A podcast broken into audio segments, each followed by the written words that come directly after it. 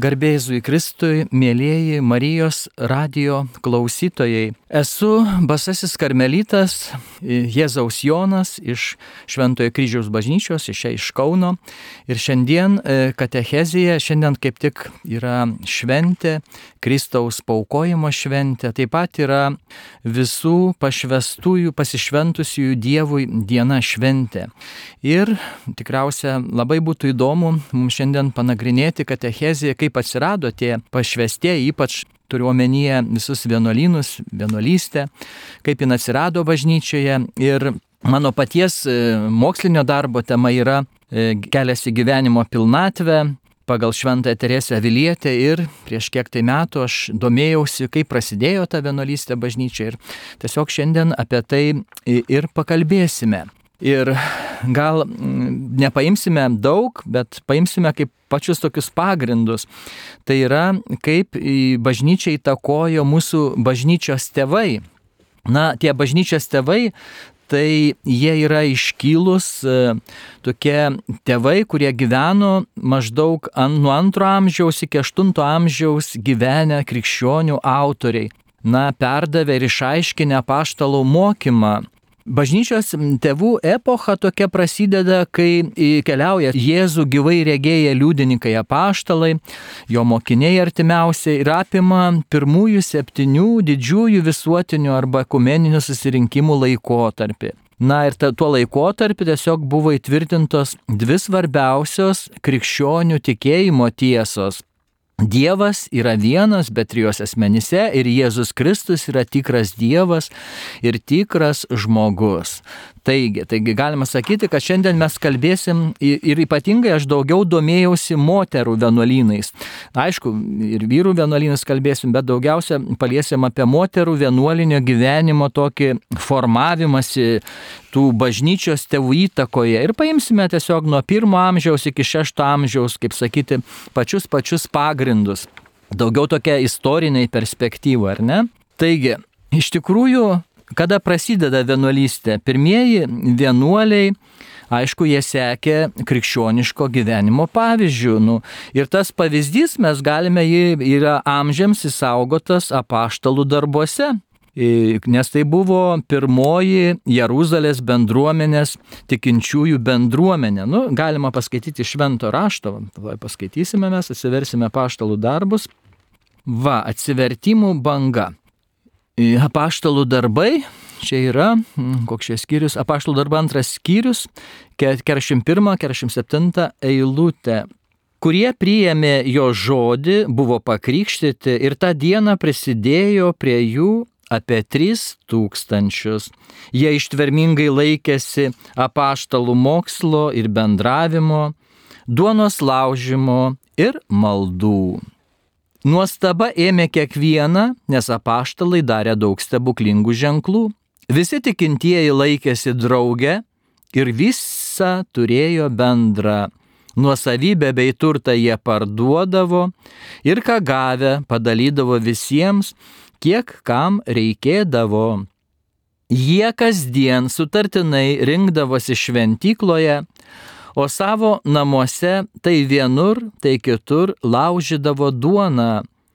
Džiuge ir taure širdimi drauge vaišindavosi, garbindami Dievą ir buvo visos liaudės mylimi. O viešpats kasdien didino jų būri tais, kurie ėjo į išganimą. Taigi, pirmieji vienuoliai sekė krikščioniško tą gyvenimo pavyzdį. Bet įdomu tai, kad moterų vienuolynai arba tos bendruomenės yra daug senesni negu vyrų vienuolynai. Na, bet kadangi moteris būdavo vienuolynuose labiau užsidariusios ir aišku, jų tie archyvai nebuvo, buvo klauzūroje neprieinami tyrinėtojas, apie jas žinome mažiausiai. Na, bet paskutiniai dabar moksliniai tyrinėjimai mums atskleidžia, kad vakarų literatūriniai šaltiniai pažymi moterų bendruomenę egzistavimą daug daug anksčiau negu vyrų bendruomenių. Ir štai, pavyzdžiui, šventasis Ambrozijus iš Milano, Ambraziejus, 376 metais aprašo jau grupę moterų iš Bolonijos, nusprendusios būti pasišventusiomis mergelėmis ir skleidžiančiomis šį idealą moterų tarpe. Na, o yra iš dar vienas dviejų kunigų laiškas 384 metų, kuriame minima moteriška bendruomenė kuri buvo įsikūrus, įsikūrusi Tebaidėje, Egipte. Na, ir jau 364 metais Romoje Jeronimas, šventasis Jeronimas jau vartoja savoką vienuolynas, aprašydamas e, Lėjos nuostabios dvasinės motinos bendruomenę. Taigi šita visa informacija mums patvirtina, kad krikščioniškoje vienuolystė pradeda reikštis lotynų literatūroje ypač nuo ketvirto amžiaus. Na, kodėl? Moteris labai krikščionės tiesiog mm, troško stipriai, troško gyventi tik tai Dievui. Ir žinome iš liūdėjimų išlikusių pagoniškoje kultūroje pasišventusios mergelės buvo persiekiamas daugiau dėl jų skaistumo pasirinkimo, negu dėl to, kad yra krikščionės.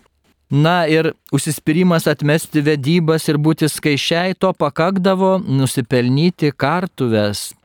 Na, aišku, randame daug tų pavyzdžių įvairiuose legendose apie mergelės, kankinės įvairios legendos yra. Ir iš tikrųjų antrame amžiuje nekaltybė jau buvo laikoma kaip reali profesija ir trečiajame amžiuje pasišventusios viešpačių mergelės jau vadinamos įvairiais, nu tokiais garbingais vardais kaip šventosios mergelės, pasišventusios mergelės, Kristaus sužadėtinės, Dievo tarnaitės, Dievo moteris, vienuolės.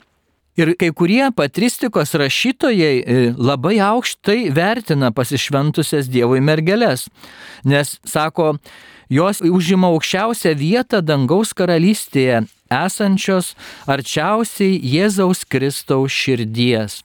Taigi, ketvirto amžiaus pabaigoje pradeda vienuolinis judėjimas labai labai plisti. Na bet kalbant apie vienuolinį tą judėjimą šaknis, reikia suprasti, Kokia yra to krikščioniškos vienuolystės, to judėjimo kilmė ir prasmė?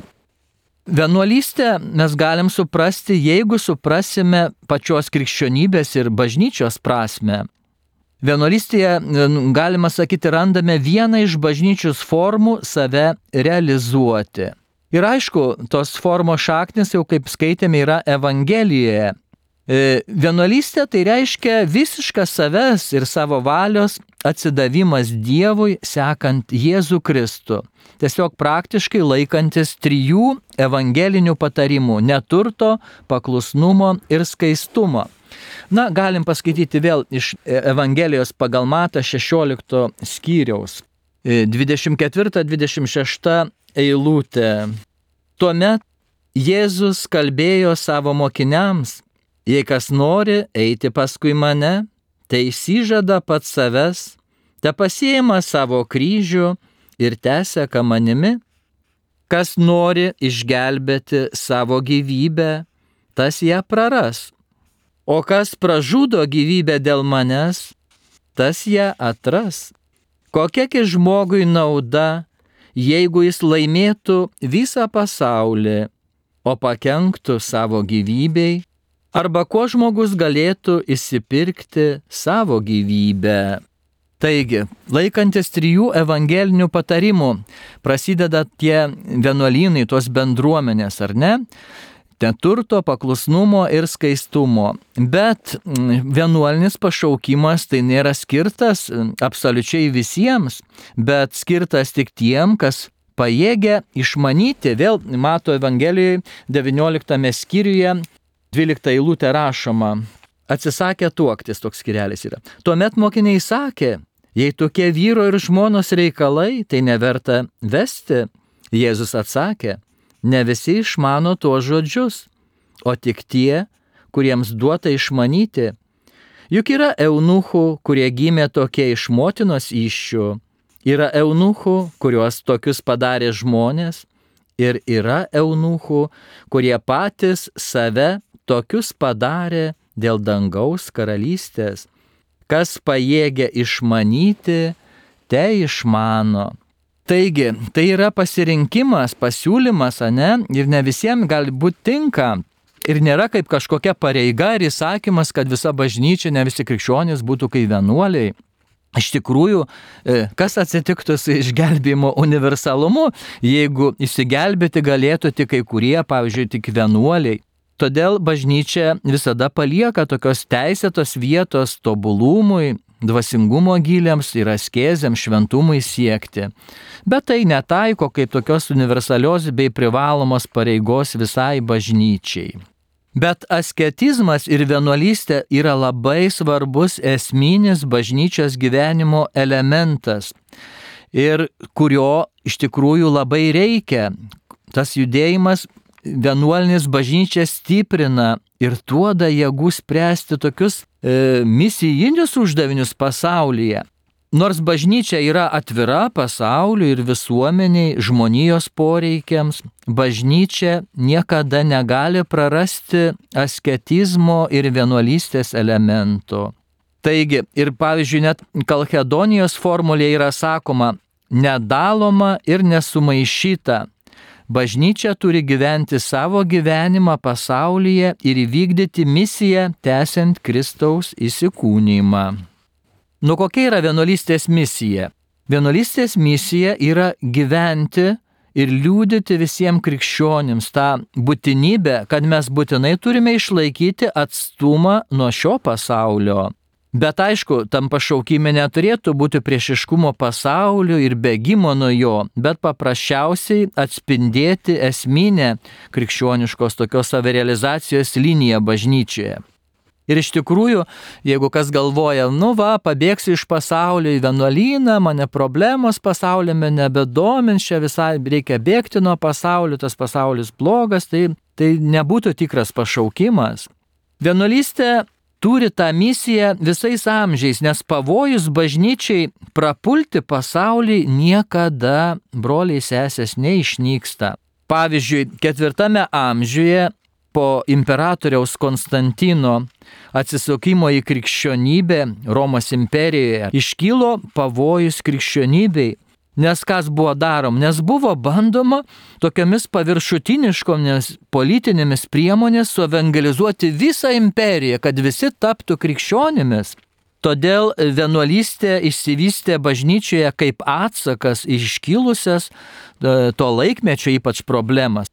Galima sakyti, kad krikščionių asketuose ir vienuolėse tiesiog atgyjo tų pirmųjų krikščionių charizma, tas pirmųjų krikščionių entuzijazmas ir pamaldumas.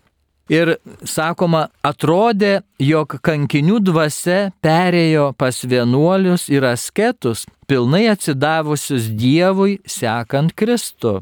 Na ir mes tai galime mėlis e, klausytojai, pajusti skaitant dikumos tėvų ir vienuolystės pradininkų, pavyzdžiui, Šventųjų Antano ar ten Pahomijaus gyvenimo istorijas, tiesiog visą vėlesnę vienuolinę literatūrą ir ypač dikumos tėvų posakius. Apothegma parašė jie apohegmata patrum, taip lotiniškai skamba. Taigi, visi didieji laikotarpio šventieji ir bažnyčios tėvai buvo vienuoliai arba gyveno labai artimi vienuolystiai. Na dabar gal trumpai labai tiesiog paliesime tuos didžiuosius vienuolystės tėvus arba monokato tėvus. Nu tikriausiai jūs visi jau girdėjote apie Šventą Antaną, vadinamą didžiuoju abatu. Jis buvo tas pirmasis eremitas, eremitas arba atsiskyrėlis, ar nesakykime, apie kurį turime tokių tikslių istorinių žinių. Todėl, kad jo gyvenimą aprašė šventasis viskupas Atanazas. Jo knyga pavadinta mm, Vita Sankti Antonijai buvo parašyta 357 metais. Ir kai Antanas mirė 356 metais, turėdamas apie 105 metus, aplink jį jau buvo tiesiog susibūrusi gausi ta tokia anachoretų arba atsiskyrėlių bendruomenė. Taigi, Antanas abatas yra laikomas vienuolinio arba to eremitinio atsiskyrėlio tokio gyvenimo steigėjų. Ir dar įdomu pastebėti, kad Čia labai susijęs su moterų vienuolynais, nes man domina, kaip, kaip ten jie vystėsi. Įdomu pastebėti, kad apie 271 metus, tai tada, kai Antanas išeina į dykumą, jisai savo nepilnametę seserį palieka pasišventusių mergelių vienuolino globai. Tai dar kartą parodo, kad moterų vienuolinai eina dar pirmiau prieš vyrų vienuolinus. Na, kitas toks labai didelis mono e, vienuolystės tėvas tai yra šventasis Pahomijus, gyvenęs 287 ir miręs 347 metais. Apie 308 metus tiesiog jis pradėjo gyventi tą tokį irgi kaip Antanas atsiskyrėlio anachoretinį arba tą remitinį gyvenimą. Ir taip pagyvenęs apie 12 metų, tik 320 metais įsikūrė pirmąjį vienuolyną, kur į bendrą gyvenimą subūrė savo mokinius. Na, Pahomijus yra bažnyčios šventasis, yra batas. Jisai, galima sakyti, buvo e, kiek kitokios formos negu Antanas. Jisai mm, vienuolinio gyvenimo steigėjas buvo monastinio arba cenobitinio gyvenimo pradininkas. Tai vadinasi bendruomeninis gyvenimas. Bijos reiškia gyvenimas, koinobijos, koinos reiškia bendruomeninis gyvenimas bendruomenę jungia tiesiog jų bendras buvimas jau. Pirmas vienuolynas toks buvo Tabenisėje, apleistame tokiame kaime dešiniajame Nilo krante. Ir Pahomijus kaip steigėjas tapo jo abatu. Na, tos, tai buvo toks namas su daugeliu celių, vienuolino teritorija buvo aptverta tvora, Kiek vėliau Pahomijus įkūrė dar devynius de vyrų ir du moterų vienuolynus. Įsivaizduokime, Pahomijaus bendruomenė pasiekė 9 tūkstančius vienuolių skaičių, galite įsivaizduoti skaičių, ar ne? Ir taip pat jis parašė Pahomijus solidžią regulą maldai ir kasdieniniam darbui na, organizavo tą materialinį vienuolynų aprūpinimą, juk nelengva tiek žmonių, kad vienuolių bendruomenė išsilaikytų. Taigi, Pats žodis vienuolis, monachus, ar ne? Monachus reiškia, jeigu išversiu monachus, reiškia, kuris gyvena vienas. Jeigu taip griežtąją žodžio prasme, tai netiktų tam tokiam cenobitiniam arba bendruomeniniam gyvenimo būdui. Bet e, tas žodis monachus prigijo, nes kiekvienas vienuolis vis tiek turi savo celę, e, kur turėjo gyventi savo celėje tą atskirą gyvenimą, ypač tyloje ir tokioje kontempliacijos ramybėje maldoje. Taigi, ir Švento Antano tie atsiskyrėliai, taip pat ir Pahomijaus tie bendruomeninio gyvenimo tie vienuoliai, vadinami anachoretinė ir cenobitinė forma greit išplito visuose rytų vienuolynuose. Na, nors šventasis Pahomijus ir yra įkūrėjas to koinobinio arba to bendruomeninio vienuolinio gyvenimo, iš tikrųjų tą tokią formą sutvarkė tik tai šventasis Bazilijus didysis. Bazilijus mirė jis apie 379 metus, tiksliai žino mirimo datą, 379. Ir ką jisai padarė? Jisai Bazilijus buvo didelis organizatorius ir jis padėjo tokius galutinius pagrindus tam bendram gyvenimo būdui. Nors jisai savo mokiniams ir taikė Pahomijaus regulą, bet priešingai nei Pahomijus jisai kūrė vienuolynus su nedideliu skaičiumi vienuolių. Na čia panašiai kaip ir mūsų Teresė Avilietė, kad norėjo sumažinti vienuolių skaičių, kad būtų geresnis tobulėjimas vienuolių. Ir e, Bazilijus didysis parašė irgi dvi regulas vienuolėms, parašė didžiąją regulą ir mažąją. Ir iš tikrųjų tos e, regulos vienuolystės paplito rytuose, rytų bažnyčių ir Bazilijus yra laikomas rytų vienuolystės tėvu.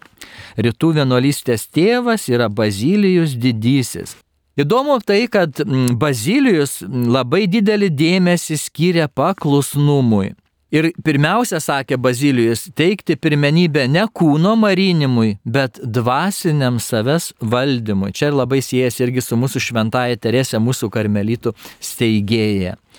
Na, iš tikrųjų, jeigu taip sintezėje pateikti tą rytų vienuolijos esmę, galima būtų suvesti į tokias savokas, kad rytų vienuolystė apibūdina tokios savokos - dvasinė kova, dvasiniai ginklai, malda, darbas, pasninkas, toliau dvasinės pergalės vaisiai, tai yra savęs valdymas, apatėja arba dvasinė ramybė, apatėja arba dvasinė ramybė. Visi, visi šitie dalykai tiesiog tai yra kaip sintezė to rytų vienolyjos, vis, tos esmės. Na iš tikrųjų, be visų tų minėtų jau tų monokato vienuolystės tėvų dar buvo kiti vienuolinio gyvenimo propaguotojai, kuriuos labai trumpai irgi paminėsime. Iš tikrųjų, vakaruose vienuolinio gyvenimo būdą skleidė vyskupas Tanazijus, taip pat vyskupas Ambrozijus iš Milano, šventasis Jeronimas, šventasis Augustinas, taip pat ir Martinas iš Tūro. Ką padarė šventasis Augustinas, kuris gyveno irgi 354 metais ir mirė 430-aisiais. Šventasis Augustinas, jis parašė pirmąją vakarų monastinę regulą. Tai buvo apie 388 metus. Ir tą regulą parašė savo bendruomenės klierikams iš Tagastės ir Hiponos. Kitas žymus toks tėvas buvo Jonas Kasijanas, irgi gyvenęs 360 gimė, o mirė 435 metais. Tai tas Jonas Kasijanas, jis buvo įdomus tuo, kad aplankė Egipto vienuolynus, daugumą vienuolynų, susipažino su vienuolių gyvenimo būdu praktiškai, ne tai, kad teoriškai buvo, bet ir praktiškai. Ir 415 metais Jonas Kasijanas įkūrė netoli Marselio Švento Viktoro vienuolyną dabartinę Prancūziją. Na ir parašė taip pat labai dvi vertingas meditacijos knygas, kurias galime laikyti kaip tikras vienuolino regulas. Marselio regionas buvo iš tikrųjų labai paruoštas tom vienuolystės idėjoms iš rytų dėl tokio kito bažnyčios mokytojo Martino Turiečio pamokslavimų ir jo vienuolinio gyvenimo būdo. Na, Martinas Turietis jisai mirė 397 metais. Bet jis 361 metais, nu, irgi Prancūzijoje dabartinėje 12 km nuo Poiters įsteigė asketų bendruomenę. Ir ta bendruomenė ir laika pirmuoju datuotų vienuolynų Europoje. Taigi, pirmą datuotą, kurį turim datą pažymėtą Europoje vienuolyną, įkūrė Martinas Turėtis.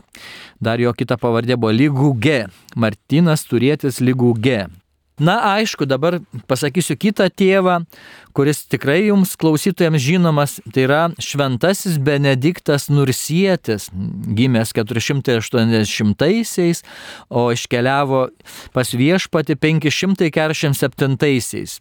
Jis, e, Benet šventasis Benediktas, jis padarė tą tokį galutinį impulsą vakarų vienuolystiai e, arba tam monokato vienuolystės susiformavimui.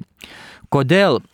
Todėl, kad jis Monte Casino vienuolynę, kurį pats ir įsteigė tą vienuolyną, parašė regulą, regulą Benedikti, kuri greitai tapo vienuolinio gyvenimo pagrindu, ypač vakarų bažnyčioje. Na gerai, dabar čia buvo apie vyrus, apie jūs tuos tėvus mūsų bažnyčios, bet dabar pereisime truputį vėl prie moterų vienuolinio to gyvenimo raidos ir plėtimosi. Na, matom, kad ta moterų vienuolinė e, raida buvo anksčiau už vyrų, bet jinai labai pradėjo plėstis ypač nuo ketvirto amžiaus ir penktam amžiuje. Kodėl? Na, pasižiūrėsim, pamatysim priežasis pirmosios tos vienuolinės e, Pahomijos arba Bazilijaus ir Augustino tos regulos yra priimamos ir pradėtas naudoti taip pat ir moterų vienuolynuose. Na aišku, ten, kur buvo žodis brolis, tėvas, įdėdavo žodį sesuo, motina ir buvo pradėtas naudoti visuose moterų vienuolynuose. Na, pakalbėkim truputėlį apie šventojo Pahomijaus įtaką moterų vienuolynams. Kai Pahomijus jau buvo minėto Tabenysės vienuolino žymus ir subrendęs jau toks dvasinis vadovas, turėjo seserį Mariją, Ir ta sesuo Marija prašo pagalbos, sako, padėktų man broli tapti vienuolę. Ir vienuolių mokslas vienuolių mokė vengti susitikimų su moterimis. Net jeigu jos būtų ir artimos giminaitės, ir įsivaizduokit, pahomijos, jos pačios sesers nepriimai, nesusitinka, bet per vieną nuolį jai sako, ir štai paskaitysiu, ką jis sako, čia pacituota iš vieno šaltinio, sako Marijai, jeigu nori įeiti iš išventą gyvenimą, kad susilauktum Dievo gailestingumo, ištirk save įdėmiai ir broliai pastatys tau pastatą, kuris bus tau prieglauda atsitraukus iš pasaulio. Be bejonės per tave viešpats pakvies kitas seseris, kurios dėka tavęs taip pat išsigelbės. Taigi matome, kad Pahomijaus sesuo Marija jaučia tokį dievišką kvietimą būti vienuolė. Na ir moteriškoji bendruomenė organizuojasi kaip ir vyriškoji bendruomenė. Na bet vienintelis skirtumas tai, mm, tai buvo tas, jog vienuolės nešiojo avies kailių rūbų, kurias naudojo dikumos tėvai. Na, visi kiti dvasiniai įsipareigojimai, kuriems paklūsta seserys, yra tie patys kaip ir brolių. Bet abi bendruomenės gyvena artimoje tokioje dvasinėje vienybėje, nors jos yra labai griežtai viena nuo kitos atskirtos, kaip to reikalauja regula. Jau matėme, kad brolis net sesers nepriėmė tiesiogiai. Na, bendravimas tarp vyrų ir moterų vienuolynai yra griežtai reglamentuotas, leidžiama įvykti tik motivuotiems susitikimams.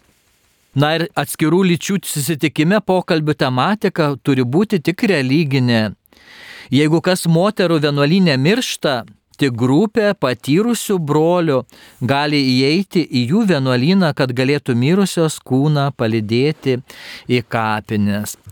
Bet kas yra labai svarbu, Pahomijaus reguloje mes randam pirmą kartą tokius nurodymus, kurie turės įtakos daugumoj, daugumoj visų krikščionių moterų vienuolynuose, aišku, ir vyrų vienuolynuose. Kokie tie mm, nurodymai? Pahomijus e, nurodė, ne, naujokai vienuolynė turi būti ugdomi, kaip reikia gyventi vienuolynė, kokios yra vienuolyno taisyklės ir visą tai be murmėjimų turėtų priimti daugiau kasdien visi vienuoliai ar vienuolės privalo skaityti 20 salmių arba du apaštalo laiškus arba likusio šventraščio kažkuria dalį. Tačiau jeigu jie nemoka skaityti, tada turi su mokytojo pagalba mokytis skaityti. Vienuoliai privalo skaityti kasdien, net jei ir nenorėtų to daryti, kad vienuolinė nebūtų nei vieno nemokančio skaityti ar neatsimenančio kai kurių šventraščio vietų atmintinai, ypač iš Naujojo testamento ir psalmio. Todėl tai buvo šie nurodymai vyrų ir moterų formacijai taps didžiausių veiksnių tokiam intelektualiniam vienuolių vyrų ir moterų vystimuisi jau minėtas šventasis Bazilijus, kaip jis įtakojo moterų vienuolynams. O gal atvirkščiai ir moteris įtakojo šventai, šventai Bazilijai, pažiūrėsime. Nors monastinis, sakiau, tas cenobitinis gyvenimas buvo įkurtas Pahomijaus, jis organizavo šventasis Bazilijus gyvenęs ketvirtam amžiuje, ar ne? Na, galiu pasakyti, kad Bazilijus gimė Kapadokijos Cezarėjoje, labai turtingoje krikščioniškoje šeimoje. Ir jo giminėje buvo labai daug šventųjų. Bet kas įdomu, didelę įtaką Bazilijaus regulos gimimui turėjo jo sesuo Makrina. Makrinos dėka jos broliai atsivertė ir pasuko asketiniu keliu. Jo sesuo Makrina e, savo tokias privačias valdas Anesiją pavertė moterų vienuolynu. Na ir tame vienuolynė paskui buvo ir Bazilijaus motina Emelija, kitos pasišventusios mergelės ir tam tikras skaičius buvusių vergių, bet jau tapusių laisvomis moterimis. Na, netoli sesers vienuolino Bazilijus įkūrė vyrų vienuolyną, kuriame bus ir Bazilijaus brolis Petras ir teologas Grigalius Nazenzietis, gyvenęs irgi ketvirtame amžiuje. Taigi matome, kad moteris įtakoja ir brolius, ar ne, ir jie tampa vienuoliais. Tai tiesiog moterų vienuolynai atsirado anksčiau už vyrų ir moteris įtakoja vyrų vienuolyną atsiradim. Taip pat ir mūsų karmelitų e, vienuolijos, basųjų karmelitų vienuolijos įtakojo moteris, tai yra šventoji Teresė, matom jų įtaką į vienuolystės vystimąsi. Na, e, lygiai taip pat kaip ir Pahomijaus vienuolynuose Bazilijaus sukurtos vienuolinės normos buvo galiojančios ir moterų vienuolynams. Bet moterų vienuolynas buvo autonomiškas ir vyrų vienuolyno vyresnysis negalėjo kištis į vienuolyno bendruomenės vidaus reikalus moterų vienuolynas buvo labiau apsaugotas nuo pašalinių, nuodėmklausys e, negalėjo užsidaryti su seserėmis ir motina vyresnioji turėjo visada dalyvauti iš pažintyse, bet laikantis tam tikro atstumo. Vyrų vienuolino abatas galėjo pravesti mokymus vienuolėms, bet buvo manoma, kad pokalbiai tarp vyrų ir moterų vyresniųjų neturi būti dažni, nes tai sukeltų murmėjimus ar apkalbas. Patys vienuoliai turi labai retai matyti su vienuolėmis ir tie pokalbiai turi būti neilgi. Dar labai svarbus dalykas - Bazilijaus tame cenobitinėme vienuolyne gimsta pirmoji krikščioniškos literatūros biografija skirta moteriai, jo seseriai Makrinai. Ja parašė kitas brolis, jų kraujo ir dvasios brolis, tas Grigalius Nisietis, egzegetas ir teologas. Jis savo seserę aprašė ir kitame saveto e, darbe, kuris vadinasi Siela ir prisikelimas. Taigi, jaučiu, galite bibliotekoje pasgauti tas knygas Grigalius Nisietis, Siela ir prisikelimas. Arba biografiją Makrinos galima paskaityti. Na ir tenai rašo, Makrina ramina savo brolį, kalbėdama apie amžinojo gyvenimo egzistavimą po mirties. E, šis Makrinos gražus gyvenimas ir pavyzdys turės įtakos krikščioniškajam tam vienuoliniam arba tam monastiniam gyvenimui. Kaip įtakoja Augustinas, irgi bažnyčios, ne tėvas, šventasis Augustinas įtaka moterų vienuolynams. Augustinas taip pat prisidėjo skatindamas moteriškųjų vienuolynų atsiradimą. Savo raštuose jis gyrė šlovina Evangelijos moteris, kurios sekė Kristų ir apaštalus, padėdamos jiems kasdieniniuose reikaluose.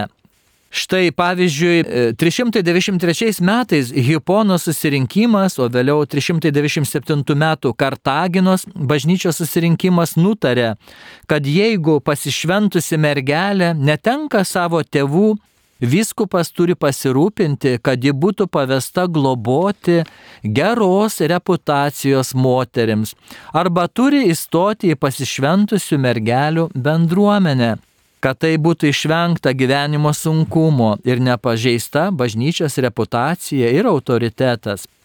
Taip pat yra žinoma, kad Šventojo Augustino sesuo, kai jos vyras mirė, kai tapo našlė, jie įkūrė moterų vienuolyną mieste, kuris tikriausiai irgi laikėsi Švento Augustino regulos. Bet kas įdomu, vėl e, Švento Augustino, ta, kur moterų bendruomenė, įeina į istoriją dėl vidinių problemų kilusių vienuolino gyvenime.